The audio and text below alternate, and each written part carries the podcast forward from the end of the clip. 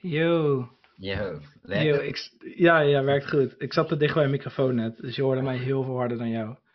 Ja, maakt niet uit joh. Dat kan gebeuren hè. Ja, lekker. Oké, top man. Oké, leuk. Eh, Ja. Even kijken. Het, het, ik vind het wel grappig, we weten niks van elkaar. Nee, daarom. Dat, dat is vooral. Het is ook echt mijn eerste keer dat ik op een podcast zit. Mhm. Gewoon gelijk, eh gelijk. Ja, Low-key podcast. Stiekem is het gewoon een meeting die ik opneem. Ja, ja, eigenlijk wel hè. Toch? Ja, ik vind dat veel chiller. Iedereen kan lekker meeluisteren. Oké, cool. Eh, ik zal eerst sowieso sowieso even kort wat over mezelf vertellen. Nou, ik ben dus, ik ben dus Eli. Ik, eh, misschien zat je al te denken van hoe spreek ik zijn naam uit, maar het is dus Eli. Ja. Ehm, Eli of ja, Eli kwam eigenlijk niet. Eli bij. of Ellie, sowieso. Ja. Altijd is het Ellie of Eli. Ehm, ja, ik kom dus oorspronkelijk uit Ridderkerk, dat is eh, naast Rotterdam. Eh, drie jaar geleden ben ik verhuisd naar Zeeland, naar Burghaamstede, daar woon ik nu. En eh, ik ben, in 2017 ben ik begonnen met dropshipping. En na een paar maanden ben ik daar uiteindelijk mee gestopt. En toen ben ik met online marketing begonnen. Oké. Eh, dus ja, dat is eigenlijk iets over mij. Ja, ja.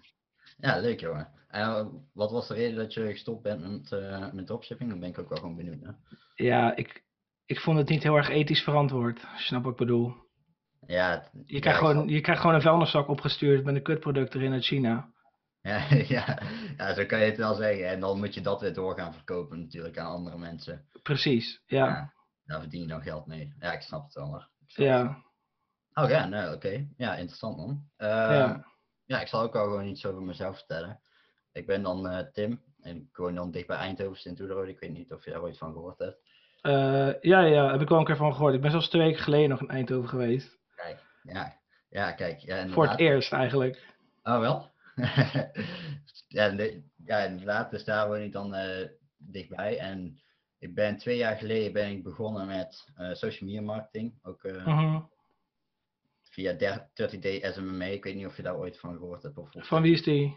Van Quinten en ik weet even niet hoe die andere kerel heet. Quinten, nog, ja, nog iets in ieder geval. En ehm, ja, in het begin ging het natuurlijk wel gewoon, gewoon goed. En het was op zich ook wel gewoon leuk. Ja, Eh, ik had een aantal klanten, alleen op een gegeven moment toen had ik al een businesspartner, dat was een vriend van mij. Helaas is dat toen een beetje fout afgelopen tussen ons twee.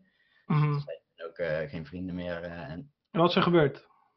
ja, dat, dat maakt in principe niet zoveel uit. Oké, dus, maar het was gewoon een samenwerking. het is gewoon een stuk gelopen. Ja, liep, liep niet zoals dat we echt gehoopt hadden. En op een gegeven moment ging het zo ver dat onze vriendschap daar ook gewoon door verpest is, zullen we maar gewoon zeggen. Ja, En toen ben ik daarna zelf begonnen voor mezelf. Dus dat was een jaar later ben ik eh, weer social media marketing begonnen.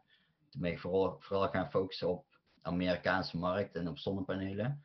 Ehm, ja, Maar dat, ja, op een gegeven moment dat was gewoon niks meer voor mij. Ik vond het niet meer leuk. Ik had dan iemand die de marketing voor mij deed. ja. En die kerel die ik dan, eh, ja, waar ik dan samenwerken met de marketing, die reageerde soms pas een paar dagen later. Ja, dat is irritant. Ja, precies. En dan, Waar kwam die vandaan dan?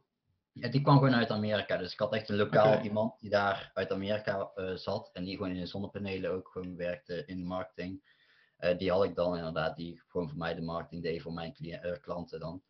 En op een gegeven moment werkte dat gewoon niet meer. Toen dacht ik van nee, dit, dit past gewoon niet bij mij. Toen ben ik gaan kijken van ja, maar wat past dan wel bij mij?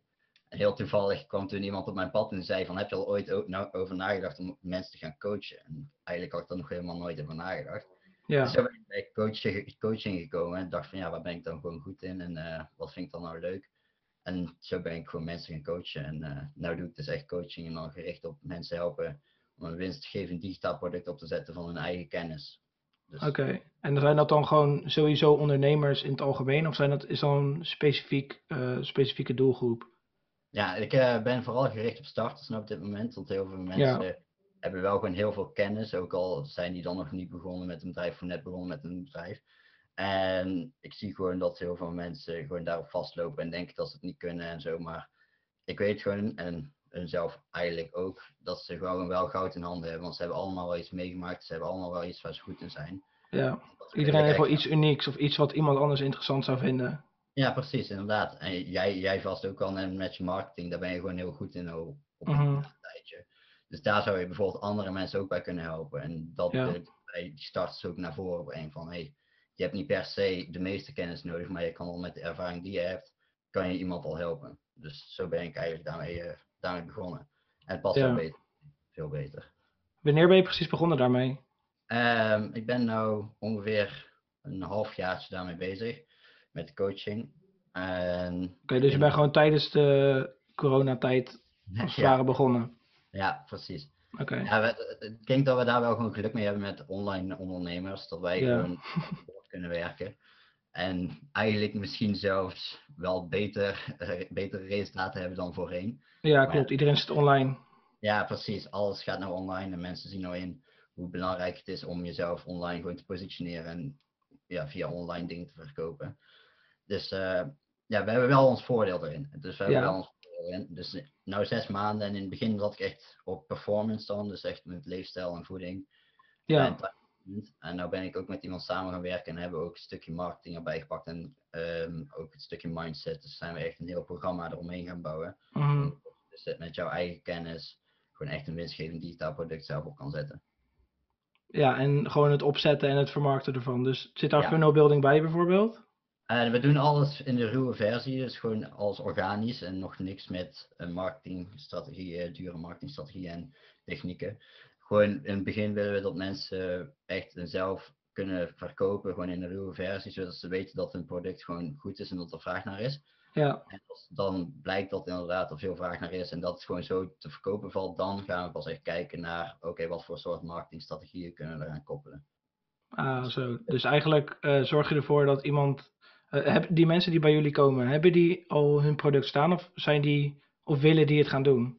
Hun eh, digitaal Eh, product. Ja, we hebben inderdaad wel sommigen die al een product hebben staan, maar de meeste die bij ons komen, die willen het gaan doen en die weten niet waar ze moeten beginnen en hoe dat ze moeten aanpakken. En dat Ja.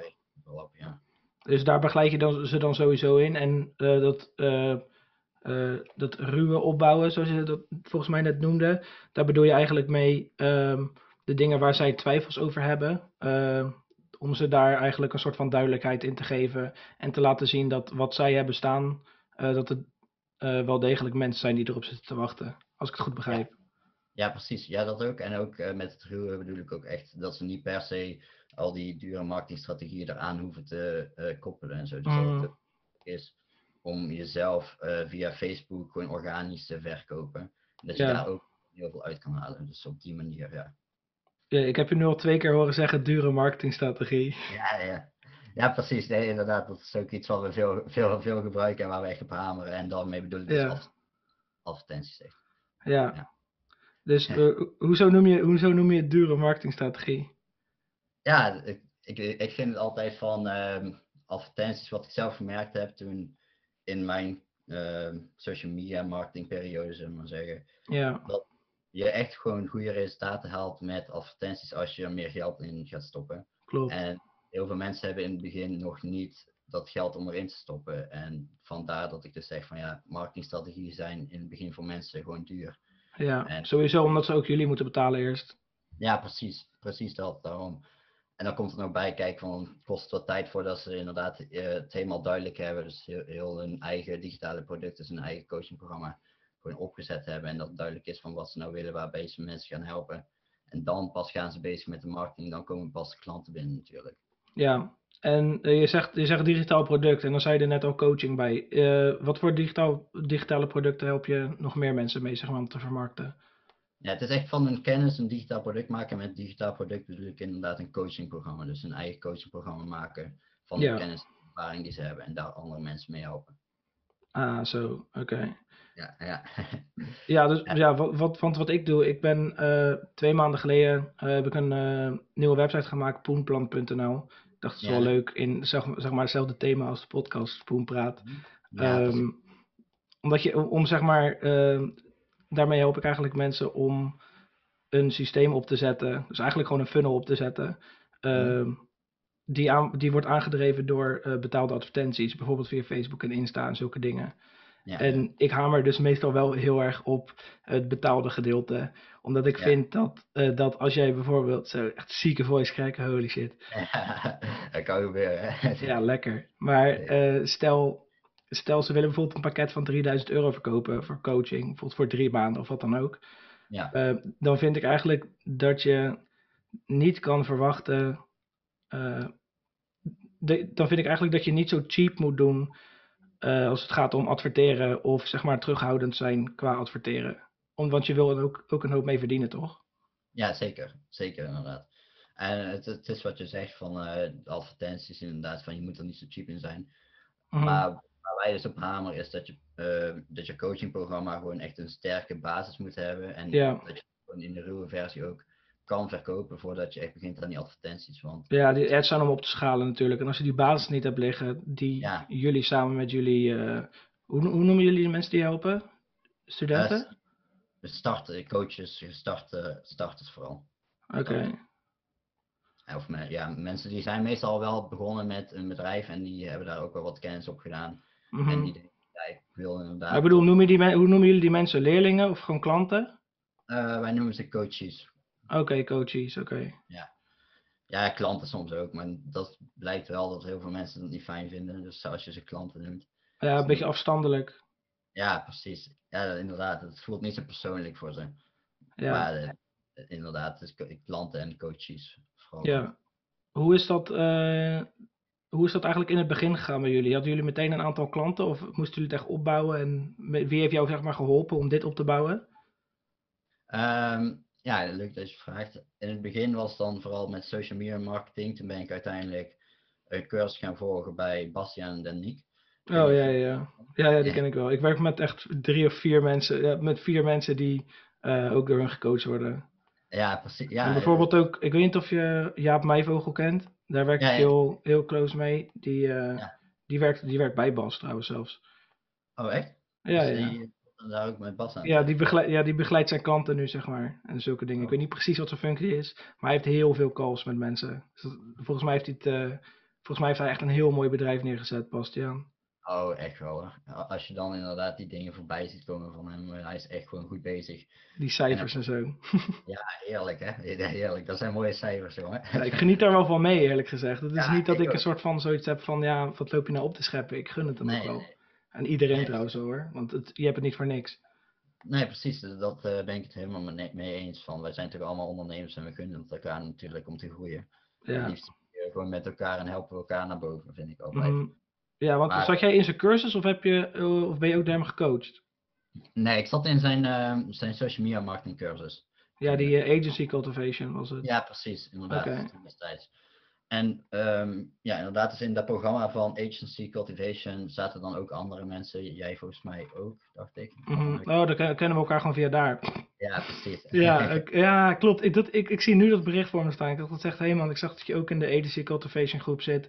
In Ja. welke markt zitten jouw klanten? Ik vond het echt Ja, een kutvraag ook om te stellen. Maar wat ga je sowieso zeggen zodat iemand reageert? Maar ik vond het wel interessant. Ja, heerlijk toch? Ja, maar zo zien wij. Van, van het ene programma leer je dan weer andere mensen kennen. En daar Mhm, zitten we ja. Dat moet je nagaan. Via via is echt hoe je het meeste... Tenminste, zo heb Ja. ik echt het meest bereikt. Gewoon aardig zijn tegen mensen. Dat ben ik sowieso Ja. altijd. Ik snap niet waarom je onaardig zou zijn. En gewoon transparant zijn. En dan komt het vanzelf naar je terug. Ja, precies.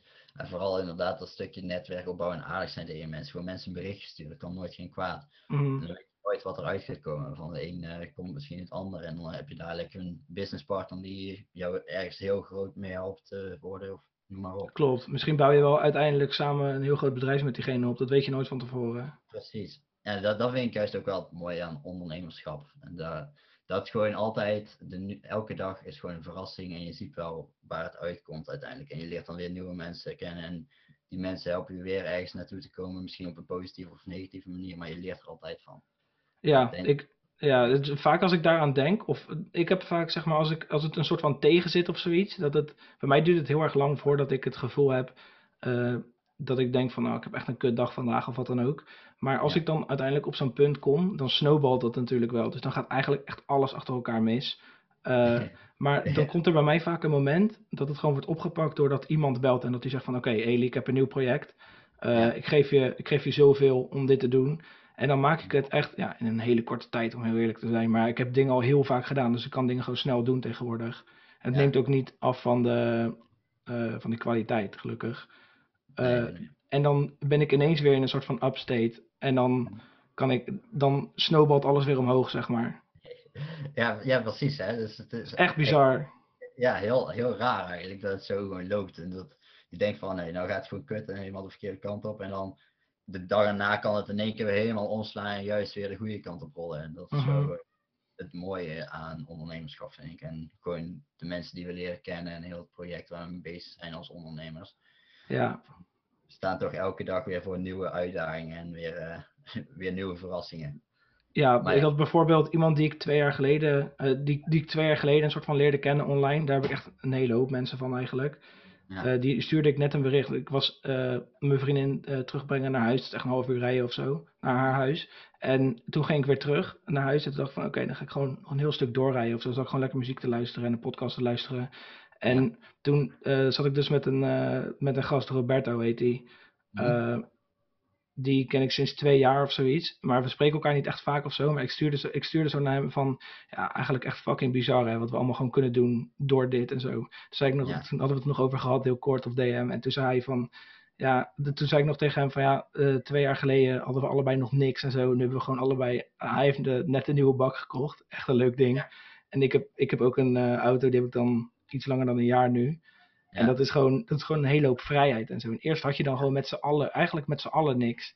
Ja, en dan precies. ga je een soort van bouwen met z'n allen. En dan Ja.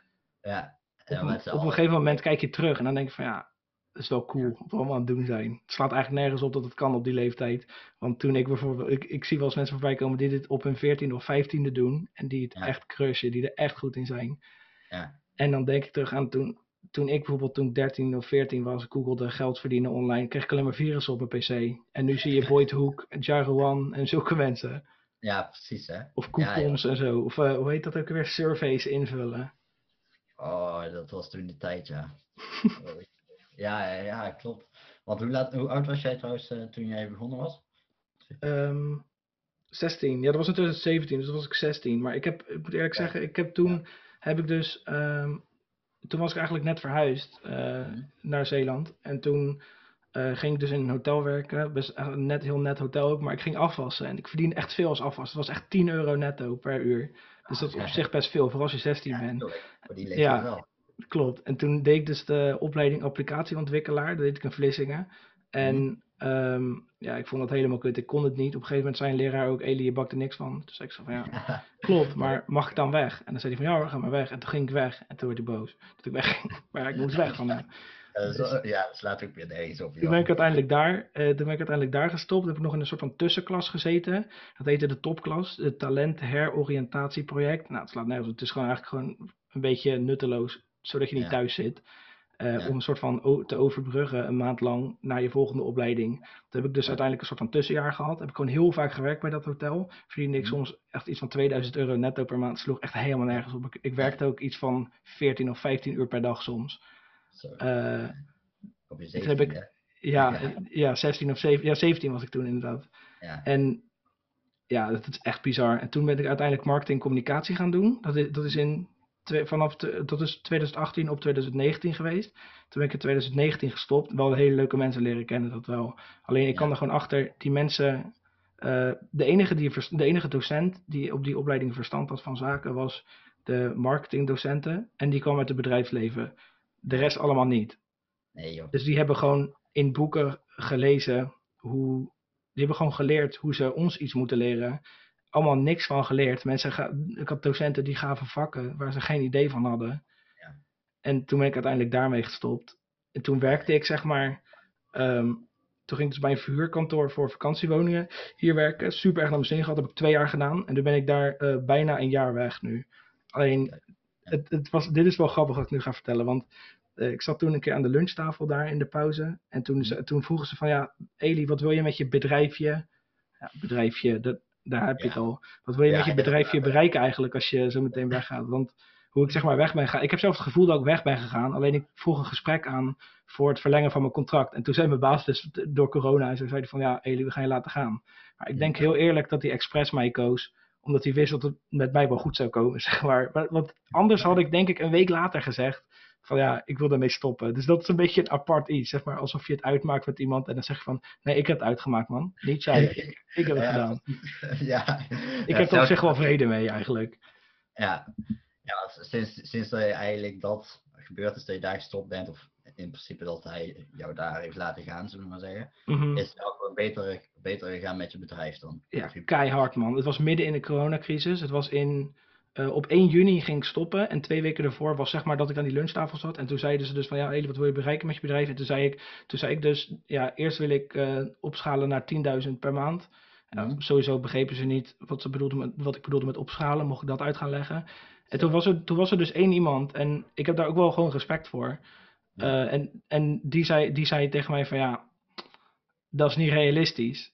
En toen, ik werd er een soort van boos van of zo, maar ik had een soort van, ook wel een soort, nou nu, nu weer, nu weer als, als ik aan denk, word ik echt een soort van boos om. Maar als je erover nadenkt, is het eigenlijk een heel erg logisch iets. Want mensen bekijken eh, of, of zij iets realistisch vinden op basis van wat ze zelf kunnen.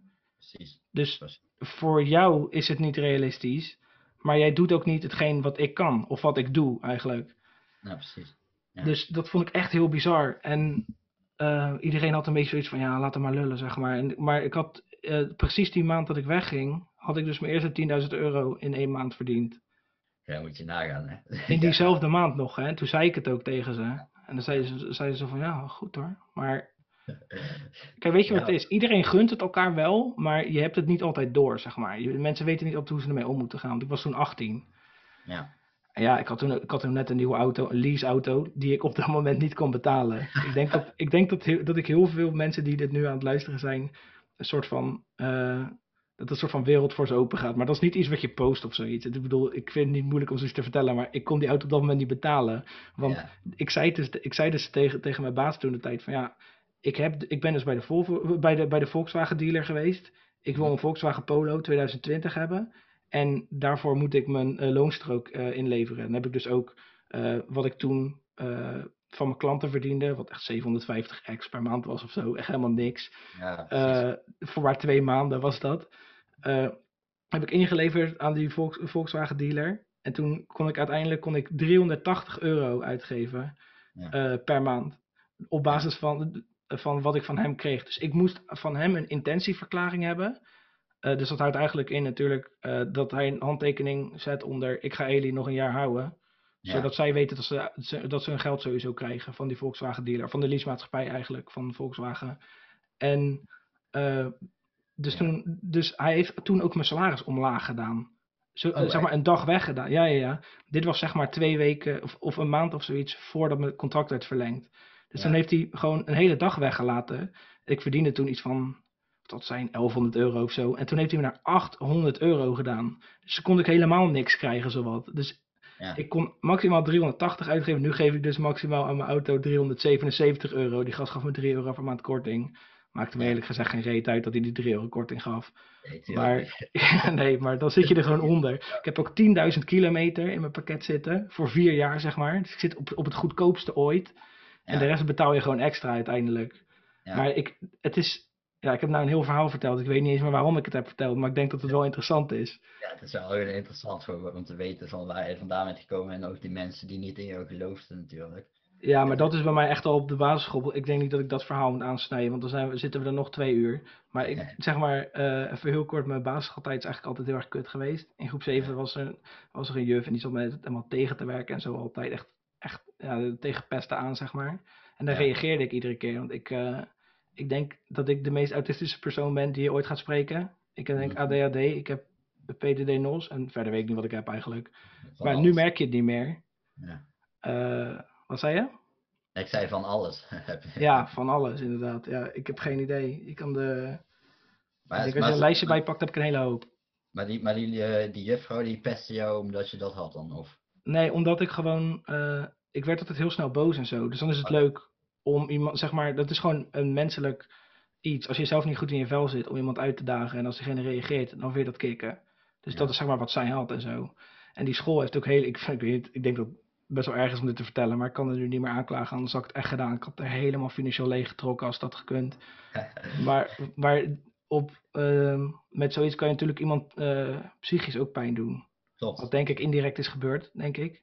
Ja, Alleen het is een beetje, een beetje gaar om te zeggen of zo. Van, eh, ik heb nog last van wat er gebeurde toen ik elf was of wat dan ook. Maar toen heeft zij er dus voor gezorgd dat ik van naar speciaal onderwijs werd gestuurd. Ja. En ehm, die directeur is daarin meegegaan, want zij was heel erg dominant of zoiets richting hem. Ja. En toen heb ik dus thuis gezeten en toen is er geen leerplicht langsgekomen. Dus ik heb altijd gedacht dat die leerplicht, eh, dat dat nep was, de leerplichtambtenaren en zo. Alleen ze hebben leerplicht niet ingediend, omdat ze niet genoeg bewijs hadden dat ik naar speciaal onderwijs moest. En dit is echt, dit is echt heel erg wat ik nu vertel. Want ze hebben dus al mijn cijfers, om, om mij zeg maar naar, mijn spe- naar speciaal onderwijs te laten, om mij gewoon weg te sturen van die opleiding. Of tenminste, van die school. Hebben ze dus al mijn cijfers van vier jaar terug ook aangepast. Nee, En mijn, mijn, ja, ja, ja. En mijn rapporten en mijn, hoe noem je het, je dos- mijn dossier, zeg maar. Dus als iemand mij bijvoorbeeld, iemand had mij bij gym getrapt of zo in groep 7. Ja. En toen trapte ik terug. En dan wordt er opgeschreven dat ik zomaar mensen ging trappen. Dat, dat, dit, dat is zeg maar de manier waarop het is gegaan.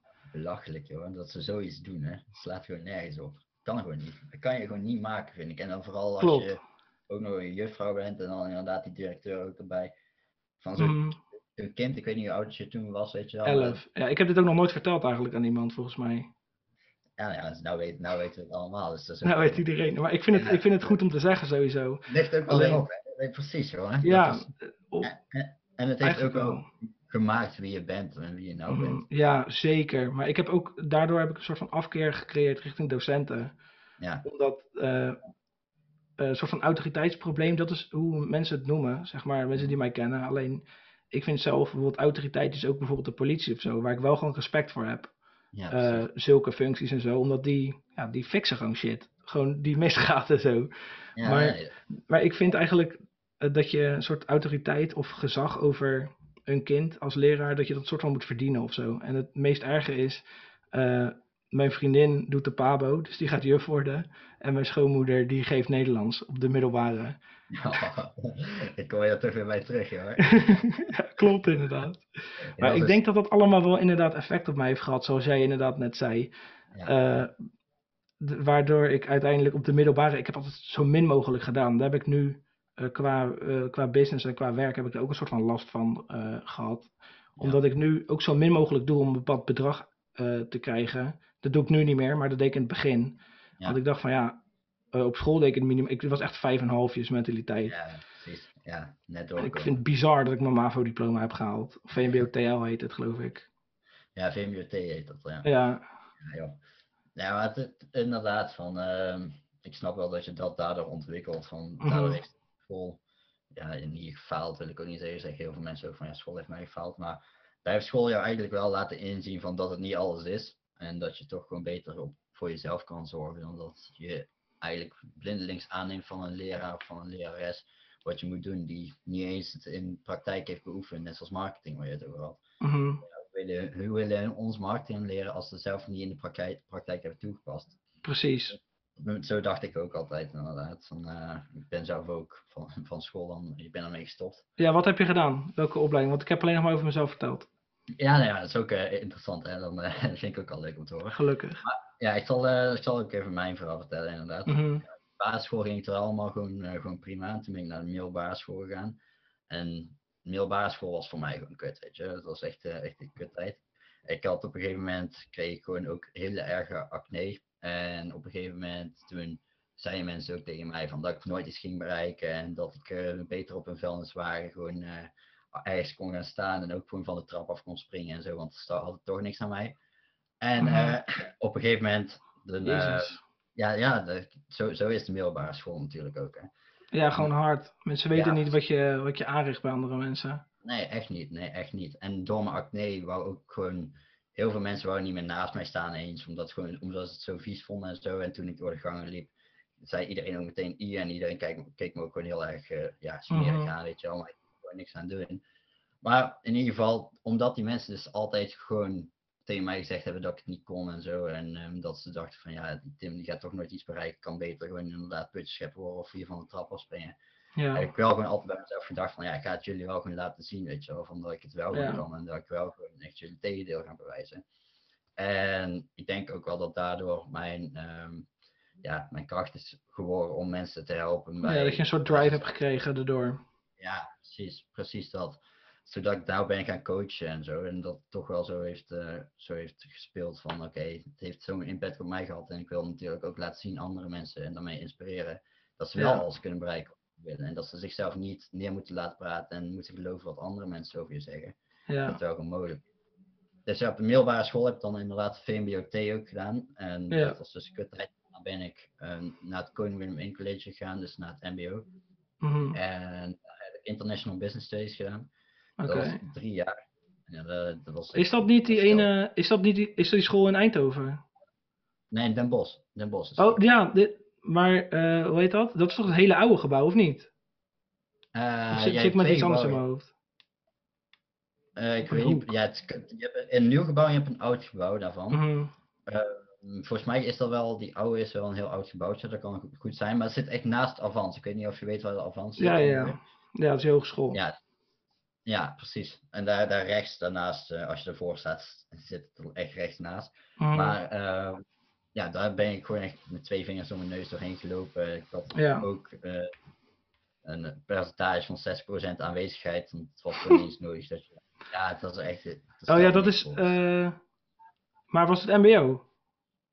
MBO, ja. MBO. Maar met MBO kan je toch helemaal niet erdoor komen met een lage procentiepercentage? Nee, dat mag eigenlijk ook niet. Dat Nee. mag eigenlijk ook niet. Hey, het is, ehm, ik had ook op een gegeven moment een brief van de, hoe noem je dat inderdaad, van leerplicht gekregen als Ja. waarschuwing. En ze, moesten ook op- op gesprek bij de leerplicht uit mijn klas. Want we waren natuurlijk wel met meerdere die dan, oh ja, ze laten we vandaag skippen, ik heb eigenlijk geen zin om naar school te gaan. Ja. Dus eh doen en daar ben ik gewoon met twee vingers doorheen gelopen. Toen ben ik HBO gaan doen, ook International Business Studies. En alleen, terwijl dat ik Hoe oud ben je nu? begon, Ik ben nu 21. Oké.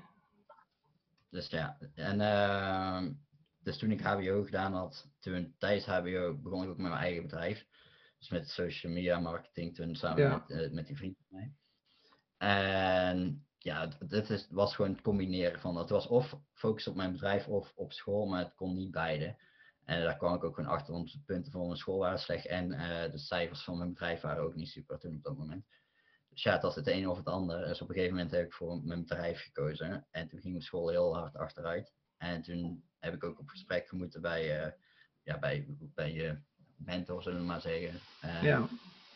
die Wat ook echt een bizarre naam is, vind ik, voor Ja, iemand die jou Precies. begeleidt. Noem het dan begeleider. Een mentor is iemand die jou, die jou eh, persoonlijk eh, ergens doorheen gaat helpen of zo. En gaat helpen dingen te bereiken.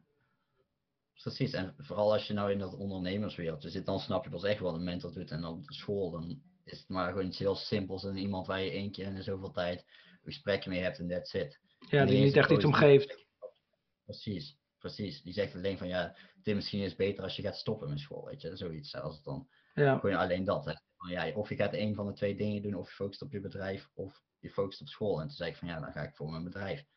Maar ja. natuurlijk. heb- Wat zeiden ze toen? die- Ehm, ja, toen, toen zeiden ze van, eh, van ja, toen ik zei van ja, ik ga dan echt voor mijn bedrijf, toen zeiden ze van ja, oké, dan moet je echt gaan kijken van hoe je dat dan gaat doen. Want eh, ik denk niet dat je, ze was echt van ja, ik denk niet dat je ouders dat ook leuk gaan vinden, weet je wel, dat je nou gaat stoppen met school. En eh, je kan het wel makkelijk, alleen ehm, ja, het is wel gewoon zonde als je het nou laat liggen en zo. Dus komt dat standaard praatje wel weer. Ja. Ja, ik heb ook op een docent gehad die gaf dat was bij mij ook mijn mentor toen de tijd op die marketingcommunicatieopleiding. Die ging dus apart met Ja. mij zitten toen tegen hem zei van ik wil echt stoppen. En ehm, hoe heet het? Hij zat, hij zat dus te vertellen over volgens mij een vriend van hem of een neef of zoiets die uiteindelijk ook een bedrijf is begonnen en dat het een soort van is misgegaan of zo. En dan ook een verhaal waar het heel goed is gegaan van iemand die die kent. En dat hij zegt van ja, maar dat is maar zo'n percentage, eh Eli, van de mensen eh, die zeg maar stoppen, zeg maar. Alleen als je er 100% voor gaat, haal je het sowieso. Maar ik vond, ik zat toen, hij, hij drong wel echt op me binnen toen hij dat vertelde. Want dat zijn gewoon echte verhalen. En dat is waarschijnlijk ook wat ze bij jou Ja. hebben gedaan. Ja, precies. Precies dat inderdaad. En dus probeer je toch wel gewoon bewust te maken van oké, is de keuze die jij nou neemt wel de juiste keuze?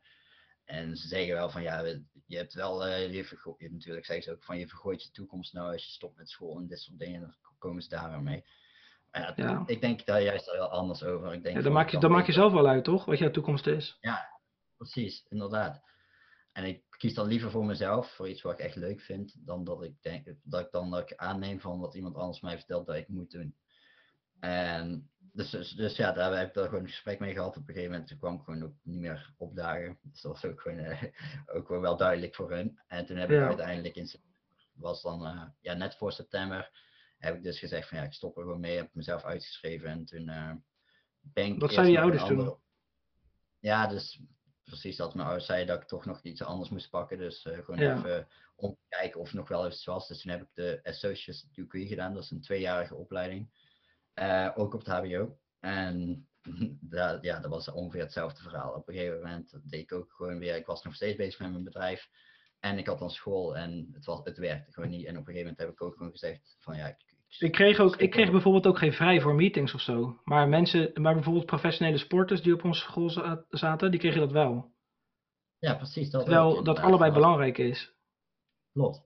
En dan zeggen ze wel heel mooi van tevoren van ja, je krijgt vrijst- vrijstelling voor bepaalde vakken en zo, maar daar heb ik niks van gemerkt. Nee. En ook niet dat ze het eigenlijk eh, snappen of respecteren, we maar zeggen. Van dat Ja. je bezig bent met een eigen bedrijfje. Dus op een gegeven moment eh, ja, kwam ik daar ook steeds minder vaak. En toen kwam corona ook nog eens, dus al die lessen kwamen online en toen was het voor mij helemaal klaar. Oh, dus je bent zo laat pas gestopt. Ja, ja zo laat was het. Vorig Ja. jaar. Vorig jaar. Vorig jaar ben ik gestopt met school inderdaad. ja. ja, nou je zegt. Zo, het lijkt al veel langer. Ja, toch? maar klopt. Maar het is Ja, echt niet echt heel lang eigenlijk. Oh shit, nee. Oh, wauw. Ja, dat is even een besefmomentje van, dat is ja, een jaar geleden ongeveer. Toen Ja, misschien is het niet lang, misschien is het niet heel lang geleden, maar het is, we zitten nog steeds in dezelfde situatie qua online les en zo. Ja, precies. Dus dat eigenlijk, wel. wel, Ja, aan de hand daarvan kan je wel een soort van bepalen dat het eigenlijk, eh, qua tijd is het misschien wel lang al, maar, Ja. eh, maar ook weer niet. maar ook weer niet, omdat de situatie nog steeds letterlijk hetzelfde is. Ja we, zitten, ja, we zitten nog gewoon in hetzelfde schuitje inderdaad. En al die online Precies. lessen die zijn er ook nog ja, dus ja, een jaar geleden, gewoon nou je zegt van zo. Een jaar geleden, dus toen was ik ermee gestopt en dacht van ja, ik ga volledig voor mijn eigen bedrijf. Ja, En toen waren ehm, die zakenpartner en ik, dus die vriend, eh, waren al uit elkaar. Dus toen was ik echt voor mezelf ook bezig, mijn eigen bedrijfje, social media marketing. ja, Ehm, ja, zo is het eigenlijk gewoon bij elkaar gekomen. maar, ja, maar ja, wel gewoon grappig hoe het dan loopt. Ja, toch? Van, dat je ziet van school, die heeft eigenlijk niet veel gebracht. Je hebt wel natuurlijk belangrijke dingen op school, zoals le- lezen en schrijven, wat altijd wel gewoon nodig Ja. is. Maar de rest kan je zelf leren. Ja, ik heb dus altijd eh, vanaf de basisschool of zo al het gevoel gehad van eh, dat ik eh, iets ooit zou vinden waar ik heel veel geld mee zou verdienen. Niet per se geld verdienen, maar iets waar ik heel erg gewoon blij en ja. Ja. hoe zeg je dat? Ja, gewoon als in happy, zeg maar. Ik weet niet echt wat het, dat je gewoon heel erg blij bent met hoe de situatie is in je leven en zo. Dus dat ik dat voor mezelf zou vinden. Tevreden. Wat zei je? Tevreden. Ja, voldaan, tevreden. Ik weet niet precies wat je Zulke dingen, ja, ja, ja. Zo kan je er nog wel tien opnoemen, maar dat in ieder geval. Ja, Alleen toen, Maar- eh, in 2018 of zo, kwam ik er pas achter wat het uiteindelijk was. En toen dan weet je alsnog, je zit er dan middenin, dus je weet alsnog niet of dat het dan echt is. Maar dat transitioneert een soort van vanuit dropshipping en dan leer je mensen kennen. En dan leer je, eh tenminste ik heb dan Facebook ads geleerd. Eh, ik heb het niet echt van iemand anders geleerd of zo, want mijn coaching hield daarop. Ik had iemand coach, ik ga zijn naam Ja. niet noemen, want dat, ik vind dat hij dat niet verdient. Nee, dat, nee, Ja. Dus Ja. ehm, het enige wat ik bij die coaching kreeg is vier calls voor 500 euro. Wat op zich echt een koopje is op dit moment. Maar daarna heeft die gast heel veel mensen opgelicht voor 3k bijvoorbeeld. Eh, ja, dus vandaar dat ik zijn naam niet ga noemen.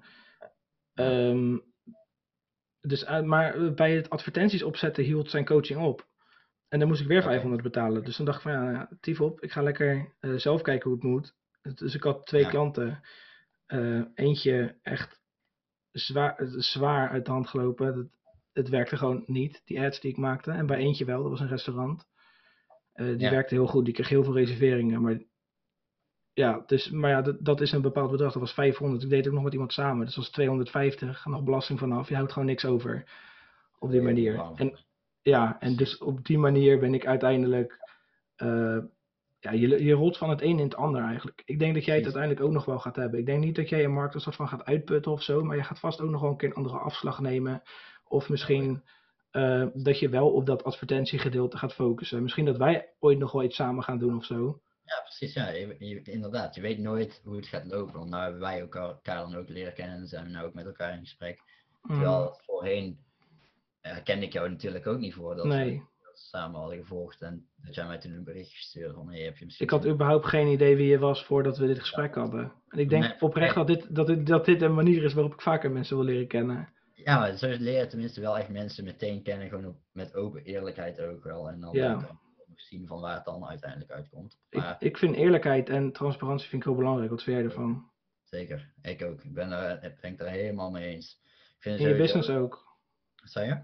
In je business ook? Ja, nou ja, dat, dat staat bij mij voorop. Ja, Gewoon eerlijk zijn tegen je cliënten bij mij dan. eh, En ook gewoon eerlijk zijn tegen andere mensen. En niet, niet liegen om bepaalde cijfers die je haalt. En ja, om bepaalde dingen die je doet. En niet ook valse beloftes maken dat je zegt van oké, nee, dit en dit ga je krijgen in mijn geen programma. garanties ook. Precies, precies dat. En ook al klinkt het soms heel mooi om waar te zijn, van bijvoorbeeld iemand vraagt, zegt tegen jou van ja, ik eh, wil bij wijze van spreken 10.000 euro betaal ik jou als je dit en dit aan mij leert, terwijl je het gewoon niet kan. Dan moet je gewoon eerlijk zijn, vind ik, om te zeggen van ja, ik kan dat echt niet. Ik zou het graag doen, weet je wel, maar Ja. ik kan het. En dat- dat, vind ik ook gewoon belangrijk. Dan verwijs ik diegene gewoon naar iemand die het wel kan. Dat is, wel, dat is wat ik altijd doe eigenlijk. Dat vind ik ook heel belangrijk, gewoon het samenwerken en zo. Maar in ieder geval nog even terug te komen op dat eh eerlijkheidsstukje, zeg maar. Omdat ik denk dat het ook met autisme te maken heeft of wat dan ook. Eh, ik ben altijd heel mijn leven al heel erg eerlijk. En Ja. daarbij komt ook direct zijn. dat is ook wel met de juffen en zo niet klikt altijd op school. Ja, Eh.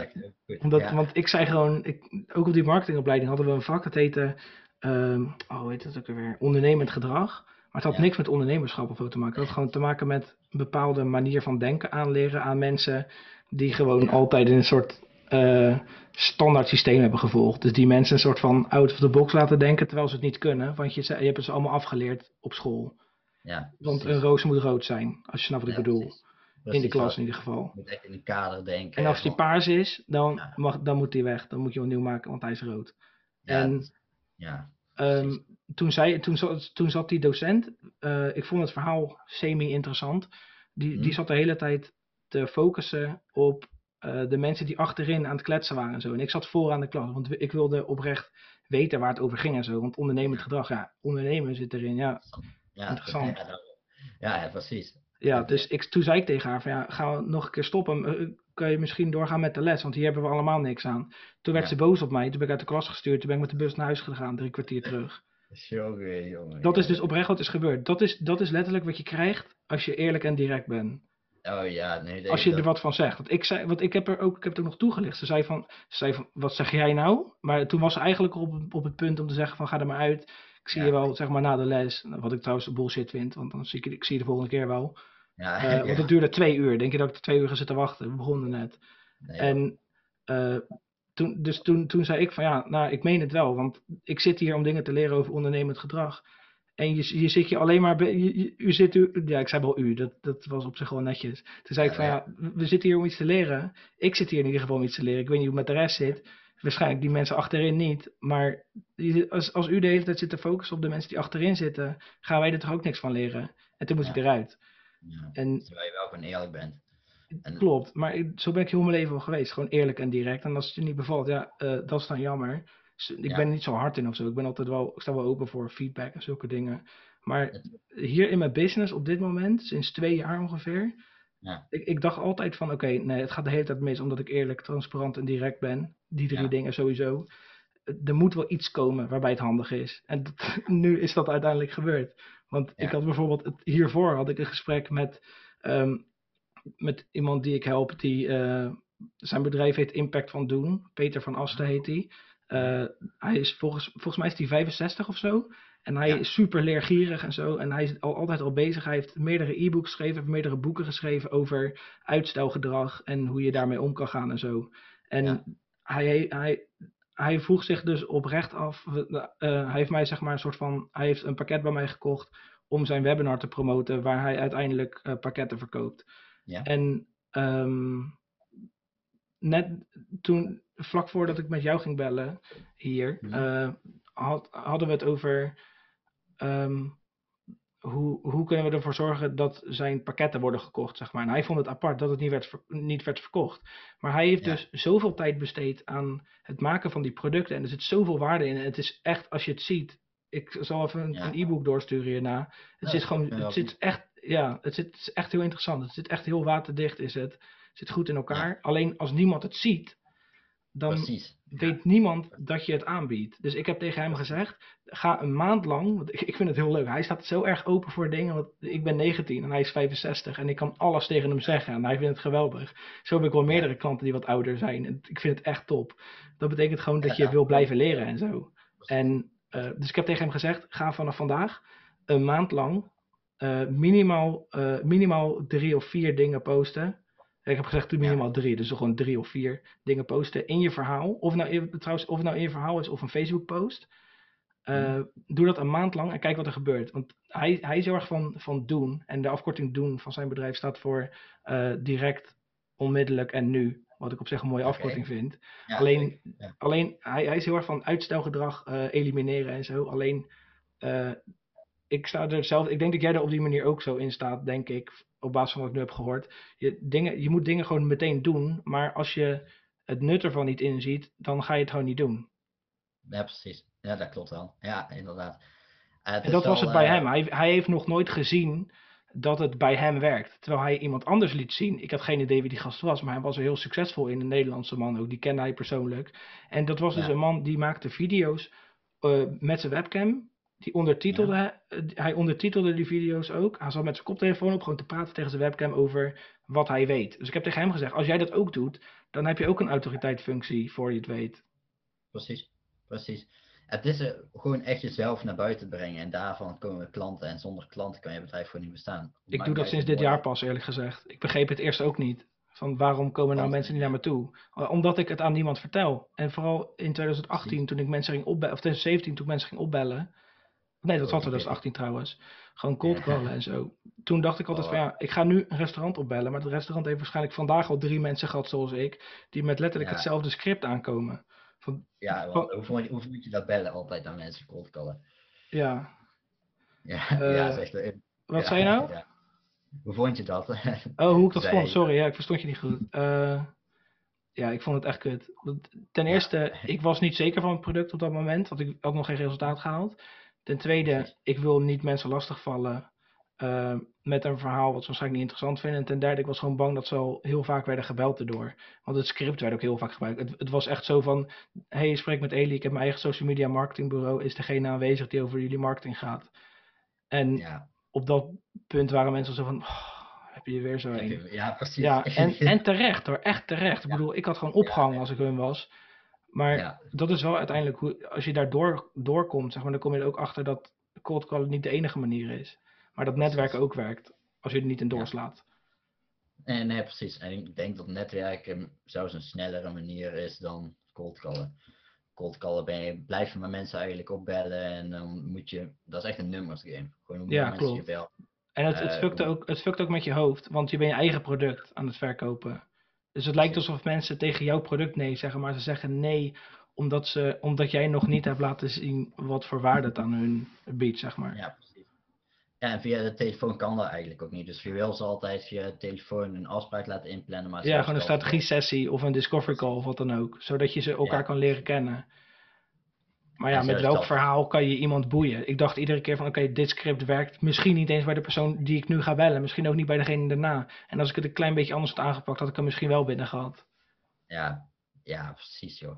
Want iedereen is anders. is klopt, iedereen is gewoon anders. En dat is ook gewoon het nadeel van eh cold callen, vind ik. Je bent gewoon alleen maar aan het bellen en iedereen zegt bijna, iedereen zegt nee. En als ze dan een keer ja zeggen, dan kom je daar op gesprek en dan zeggen ze misschien alsnog nee. En dan heb je daar ook weer je tijd aan verspild, weet je. Het is gewoon zonde. Terwijl het wel heel terwijl- belangrijk is. Achteraf vind ik dat echt het belangrijkste ding. Wat echt super cliché is natuurlijk. Maar ik hoop dat er ook een aantal mensen dit luisteren die eh, dat nog niet hebben meegemaakt. Het is echt super belangrijk dat je gewoon een aantal keer nee hoort. Want dan, Ja. dat betekent dat je kan doorvragen waarom nee. Wat super belangrijk is om te vragen. Op school kan je dat, kon ik dat nooit vragen, want dan werd ik uitgestuurd. Waarom moeten we dit Ja. leren? Waarom heb ik dit nodig? Waarom, waarom, waarom? Als ik later op kantoor zit, dan ga ik geen staardeling maken. Dus waarom moet ik dit weten? Want het kost Ja. mijn baas alleen maar tijd en alleen maar geld als ik een staardeling ga maken in plaats van een rekenmachine.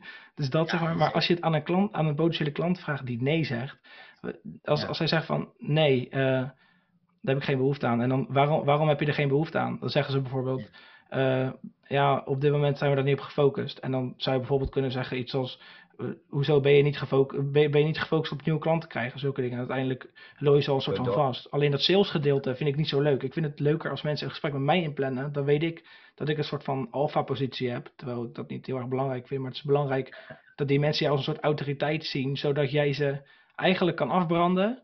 Terwijl je Mhm. eh, waarde geeft. Dus zeg van, oh, dus je doet het nu op deze manier. Nee, dat is, dat is echt kut. Het werkt gewoon niet. Doe het zo. Ja, precies. Ja, en mensen die jou bellen zijn meestal ook al warm in plaats van andersom. Klopt. Ze, ze willen jou niet voor niks natuurlijk. Ze en maken die commitment ook al om überhaupt naar je te bellen. Precies. Precies. En dat is wel gewoon belangrijk inderdaad van die autoriteit te hebben. En ook gewoon plaatsen op Facebook of Instagram of waar eh, LinkedIn, net waar dat jouw publiek zich bevindt natuurlijk. Van Ja. Gewoon jezelf, echt jezelf laten zien. Dat heb ik ook gewoon gemerkt. Dat is gewoon wel het belangrijkste. En daar komen mensen op af. En dan deel je gewoon wat waarde. En dan deel je inderdaad gewoon wat je te bieden hebt. En dan ook wat call to actions natuurlijk. Je weet wel hoe, de, hoe dat altijd werkt met, eh, Ja. met Facebook. En, en dan komen mensen op een gegeven moment. En dan nog kan het wel wat langer duren. Alleen je bent dan wel gewoon jezelf aan het positioneren. En uiteindelijk heeft dat echt een domino effect. Ja, Waarop mensen wel naartoe komen. En precies. het kan dan ook nog zo zijn dat je natuurlijk mensen berichtjes stuurt via Facebook, want dat hoort er ook bij. En andere soorten manieren, maar het is wel gewoon belangrijk dat je jezelf laat zien. Want mensen gaan je altijd opzoeken van oké, wie is eh, Elie Bogert dan? Of wie is Ja. iemand? Of dan gaan ze echt gewoon dieper opzoeken naar jouw profiel, naar jouw bedrijf, noem maar op. En dat is dus inderdaad ook wat ik tegen Peter zei voor dit gesprek. Toen zei ik tegen hem van, eh, hoe vaker mensen jouw kop zien, hoe vaker ze aan jou denken, eh, wanneer ze bijvoorbeeld letterlijk het woord doen. Dat, dat heeft hij gewoon echt aan zijn, aan zijn persoonlijke identiteit gekoppeld nu. Omdat het Ja, eh, een handelsnaam van hem is, van zijn bedrijf. Ja. Dan, dat betekent eigenlijk dat als jij iets over uitstelgedrag leest en hij heeft dat genoemd en je ziet zijn hoofd en zijn naam erbij, denk je meteen aan hem. En dat is Ja. gewoon, het is al marketing als je een aantal keer een bepaald verhaal roept. Dan is het al Ja, marketing. Stel, ik zeg nu bijvoorbeeld, als je meer klanten wil en een consistentere stroom aan leads, ga naar poenplant.nl, wat je sowieso moet doen. Als je geld wil verdienen en consistente leads om uiteindelijk klanten te krijgen. Dat moet je sowieso Ja. doen. Kijk, dat is al marketing. Dus stel ik zeg nog een keer, ga naar poenplant.nl en plan een strategie sessie met me in. Heel sneaky Ja. deze. Maar Ja, Stel, ik zeg dat vijf keer. Stel, ik zeg het iedere aflevering vijf keer. Vorige aflevering, die heb ik iets van twee of drie weken geleden opgenomen. Maar ik wil, ze, ik wil deze vlak achter elkaar uploaden om te kijken wat mensen chills te vinden. En ik denk stiekem dat het dit is. Dit is mijn persoonlijke favoriete eh, ding. Want die andere was meer interviewstijl. ja. Eh, dus dit is wel mijn favoriete nou. Deze. wat zei je? Dit is, dit is nou wel gewoon echt je favoriete. Nou, de, de manier sowieso. Eh, en wat we hebben besproken vind ik ook leuk. Maar eh, wat ik, de andere, de vorige aflevering was met Winston Thewissen. Die ken ik ook al twee jaar of tweeënhalf jaar of zo. En die heeft ook een online marketingbureau. En Ja. daar heb ik ook leuke dingen mee besproken. Alleen die heb ik op een andere manier aangepakt, die aflevering. Ik had daar Ja, vragen van tevoren om een beetje te sturen. En nu had ik dat niet. Want hem ken ik al lang. Dus ik Ja. weet al heel veel dingen. Dus als ik een aantal dingen ga vragen van waar kom je vandaan en zo. Nou, die guy komt uit Almere, dat wist ik al. Dus voor mij is dat niet interessant. Maar ik vind het heel interessant om te horen wat je hebt verteld over eh, hoe het ging op de middelbare school. En over je acne en wat dat met je heeft gedaan. En dat het gewoon een, een drijf heeft gevormd bij je. Waar je nog steeds eh, een soort van Ja. voordeel van hebt, zeg maar. Dat is een super sterk verhaal. Ja, precies. En, en ik denk ook wel van. als En je vertelt het uit jezelf. Niet uit een vraag Ja. van mij. Nee, precies. En dat maakt het ook wel gewoon ja, persoonlijker, vind ik. En gewoon Mhm. authentieker. Gewoon echt, je laat het jezelf zien en jij nou ook. Gewoon, je vertelt nou ook verhalen die je eerst nog helemaal nooit had verteld. Zoals straks. En, en ik vertel dan ook gewoon mijn eigen verleden natuurlijk, van wat er allemaal bij komt kijken. En ook gewoon een stukje met het bedrijf, hoe dat daarmee betrekking heeft gehad. Ja, En dan, het is gewoon een heel soepel gesprek in plaats van dat je echt eh, voorbereidt van oké, ik ga me deze vraag daar stellen en dat meer zo'n interview is. ja. Nou is het natuurlijk. En dat is denk ik ook. Terwijl ik zijn verhalen ook heel interessant vond. Alleen dit is, een, dit is, een, dit is niet te vergelijken gewoon eigenlijk. Alleen- heel anders. Ik denk wel dat ik de volgende eh, podcast ook op deze manier ga aanpakken. Eh, dat we gewoon. Want ik vind het jammer dat dat stukje Hey, hoe is het? Ja, goed. Met jou ook goed. Ja, lekker. Dat we dat niet hadden opgenomen. Maar dat hadden we aan het begin. Alleen toen moest ik de audio nog checken. Ja, precies. Ja. Maar dat, dat is heel authentiek, vind ik. Dat is gewoon echt. Ja, eh, ja dat, dat klopt. Ja, het hoort er gewoon bij. Het is gewoon Ja, toch? Alsof, Ja, letterlijk, we kennen elkaar pas net. Maar alsof inderdaad gewoon iemand net tegenkomt en gelijk heel, helemaal verhalen met elkaar. En mensen kunnen lekker meeluisteren als ze dat willen. En als ze dat niet willen, dan klik je lekker weg. Maar er, komt sowieso, er komen sowieso meer leuke dingen aan. Dus dat is wel leuk. Ja joh, en gewoon, gewoon een goede band opbouwen met elkaar. Ja. Ook gewoon laten zien van mensen van dat wij bepaalde dingen hebben meegemaakt. Dus dat je daar ook gewoon van kan leren en dat je jezelf niet moet tegen laten houden door de verhalen die wij met anderen delen. En daar kunnen ze nou van meeluisteren natuurlijk ook. Ja, En ik, ik was trouwens ook wel benieuwd van inderdaad, je was toen, eh, even gewoon terugkomend, van je was Ja. toen gestopt met je werken en toen met je werk en toen had je inderdaad in één maand had je 10.000 euro verdiend. Maar wat is dan Ja. die drijfsfeer van jou geweest om toen in één keer 10.000 euro gewoon te gaan? wat zei je? Wat is wat geweest? Die drijfsfeer. Ehm, nou, dat was eigenlijk dat mensen zeggen dat het niet kon. Maar dat, dat is niet iets wat me heel erg motiveert of zo. Eerlijk gezegd, ik heb meer zoiets van, ja, het maakt me echt gereed uit als mensen dat denken. Maar het was in dit geval wel van, oké, als zoveel mensen het zeggen, dan misschien is het wel waar. Maar laat me eerst checken of dat, of dat het zo is. Want ik Ja. heb altijd het gevoel gehad dat ik zoiets wilde gaan doen. Maar ik wist, je weet nooit in welke vorm het komt, zeg maar. Ja, precies. Omdat, eh, daarom vind ik ook mensen die bijvoorbeeld gelovig zijn en zo, welk geloof dan ook, Ja. eh, vind ik heel erg interessant. Ik ben zelf niet gelovig. Ik, ik scheld, zeg maar, ik scheld te vaak met zulke dingen, zeg maar, vind ik zelf. Maar eh, ik vind het heel erg interessant hoe mensen die een geloof hebben ergens tegenaan kijken. Want zeg maar, wij, als niet-gelovige, ik bijvoorbeeld, zou je denken van oké, dingen komen uiteindelijk toch wel naar je toe of wat dan ook. Zou je het op die manier kunnen zeggen. Maar die hebben er gewoon echt een hele beredenering achter. Van bijvoorbeeld God heeft gewoon heeft een plan voor je. En ik denk dat dat ook een soort van heel veel rust geeft voor je. Als je bijvoorbeeld gelovig zou zijn of zo. Maar ik, ja, ik, weet niet precies, ik weet niet precies wat ik hiermee wil zeggen. Maar ik vind, snap je wat ik bedoel? Ja, ik, snap, ik, snap, ik snap wel, eh, ik snap ongeveer. Er hoeft ook nooit echt wat achter, achter te zitten of zo. Maar ik vind dat gewoon eh, interessant. Ja, dat- zeker. Want heel veel mensen die hebben dan gewoon een diepe kijk op het leven. Net zoals Ja. bijvoorbeeld van mensen die spiritueel zijn. Ik, ik Ja. daar veel van heb gehoord of van, van bepaalde mensen. Nou, ik zit er zelf niet heel erg in of zo. Nee, precies. Ja, ik vind dat persoonlijk ook heel interessant. Maar gewoon meer die filosofie die, die ze dan hebben en hoe ze dan Ja. in het leven staan en hoe ze erover praten. Ik vind het gewoon precies wat je zegt, heel interessant om die kijk op het leven te horen. Van oké, hoe, zit, hoe denken we nou? Mhm. Ja, ik vind dat sowieso van iedereen interessant, hoe mensen over dingen denken. hey, ehm, hoe heet dat? De Law of Attraction, wat vind je daarvan? Ja, ik geloof daar wel in natuurlijk. Ik geloof daar echt wel in. En ik denk ook wel gewoon van eh, dat, het, dat het werkt. Maar ik denk misschien ook wel op een andere manier dan dat wij allemaal aangeleerd worden. Ja. Eh, dat, dat is een beetje het lastige, want er is tegenwoordig zoveel informatie en de ene zegt dat en de ander zegt weer dat. Dus wat moet je nou geloven? Dus dat is ook Ja. weer het dingetje, vind ik altijd. Maar het ding met die Law of Attraction is eigenlijk, als je zo lang, eh, hoe langer je bezig bent met iets, dan komt het vanzelf naar je toe, toch? Dat is eigenlijk het ding ervan, toch? Eh, ja, meer van inderdaad, als jij gewoon op die bepaalde manier eh, denkt en het ook Ja, mindset ook. Ja, precies. Denkt en voelt of zo, dan komt het uiteindelijk naar je toe. En net zoals visualisatie, als je dat heel veel doet, dan eh, als je het voor je kan zien, dan kan je het ook aanraken. Die heb ik Ja, ook- maar je werkt er ook oprecht naartoe. Dus dat zou een soort van, op dat punt ben ik wel sceptisch over die Law of Attraction. Maar aan de andere kant is het ook wel, het, het, het is voor mij een soort van logisch. Want als jij toewerkt naar bijvoorbeeld een bepaalde auto kopen en je hebt uiteindelijk dat bedrag, dan is dat niet gek, want je hebt ervoor gewerkt, snap je? Ja. Maar aan de Ja. andere kant, ik, Ja. zat, ik zat in een, voor, eh, vorig jaar december werkte ik met twee gasten samen, die kende ik net twee of drie maanden, ook uit die groep trouwens. Eh, nou, is dat stuk gelopen. Ik zat er helemaal doorheen. Want eh, ik had zeg maar een aantal van mijn klanten opgegeven en heel veel van mijn tijd. Maar uiteindelijk kon ik het gewoon niet meer. Ik kreeg te veel stress en zo. Dus uiteindelijk is dat stuk gelopen. Of nou aan hun lag of aan mij. Het is gewoon stuk gelopen. Ja. Ehm, Ja. ehm, ik weet niet eens meer precies wat ik wou vertellen, Had- eerlijk. had het eigenlijk over law, law of attraction en had Ja, ja, ja, dus ik zat echt in een heel erg diep dal, zeg maar. En Ik heb eigenlijk de laatste drie weken van december heb ik een soort van vrijgenomen voor mezelf. Alhoewel dat niet helemaal kon, maar al zoveel mogelijk. En Ja. toen ben ik op, in januari weer begonnen. Alleen in januari zakte ik gewoon weer in. En in, in maart van dit jaar, want ik, Ja. ik heb toen echt net, ver- net het verdiend eh, het minimale om gewoon rond te kunnen komen, zeg maar. Dus het is niet iedere maand een bepaald bedrag geweest. In Ja. maart begon ik, eh, ging ik Facebookgroepen joinen. Toen kwam uiteindelijk alles naar me toe. Maar toen ik daarmee bezig was, gingen ook mensen mij bellen die ik al een jaar niet had gesproken. Ja. En die mij ineens projecten gingen aanbieden. Maar die hadden niks met die groepen te maken, bijvoorbeeld. Dus op, op die manier vind ik het wel een interessant iets. qua- Als je het dan over Law of Attraction hebt. Je bent er heel erg mee bezig. En die mensen staan op geen enkele manier. eh, is er een verband met die mensen en die Facebookgroepen die ik heb gejoind.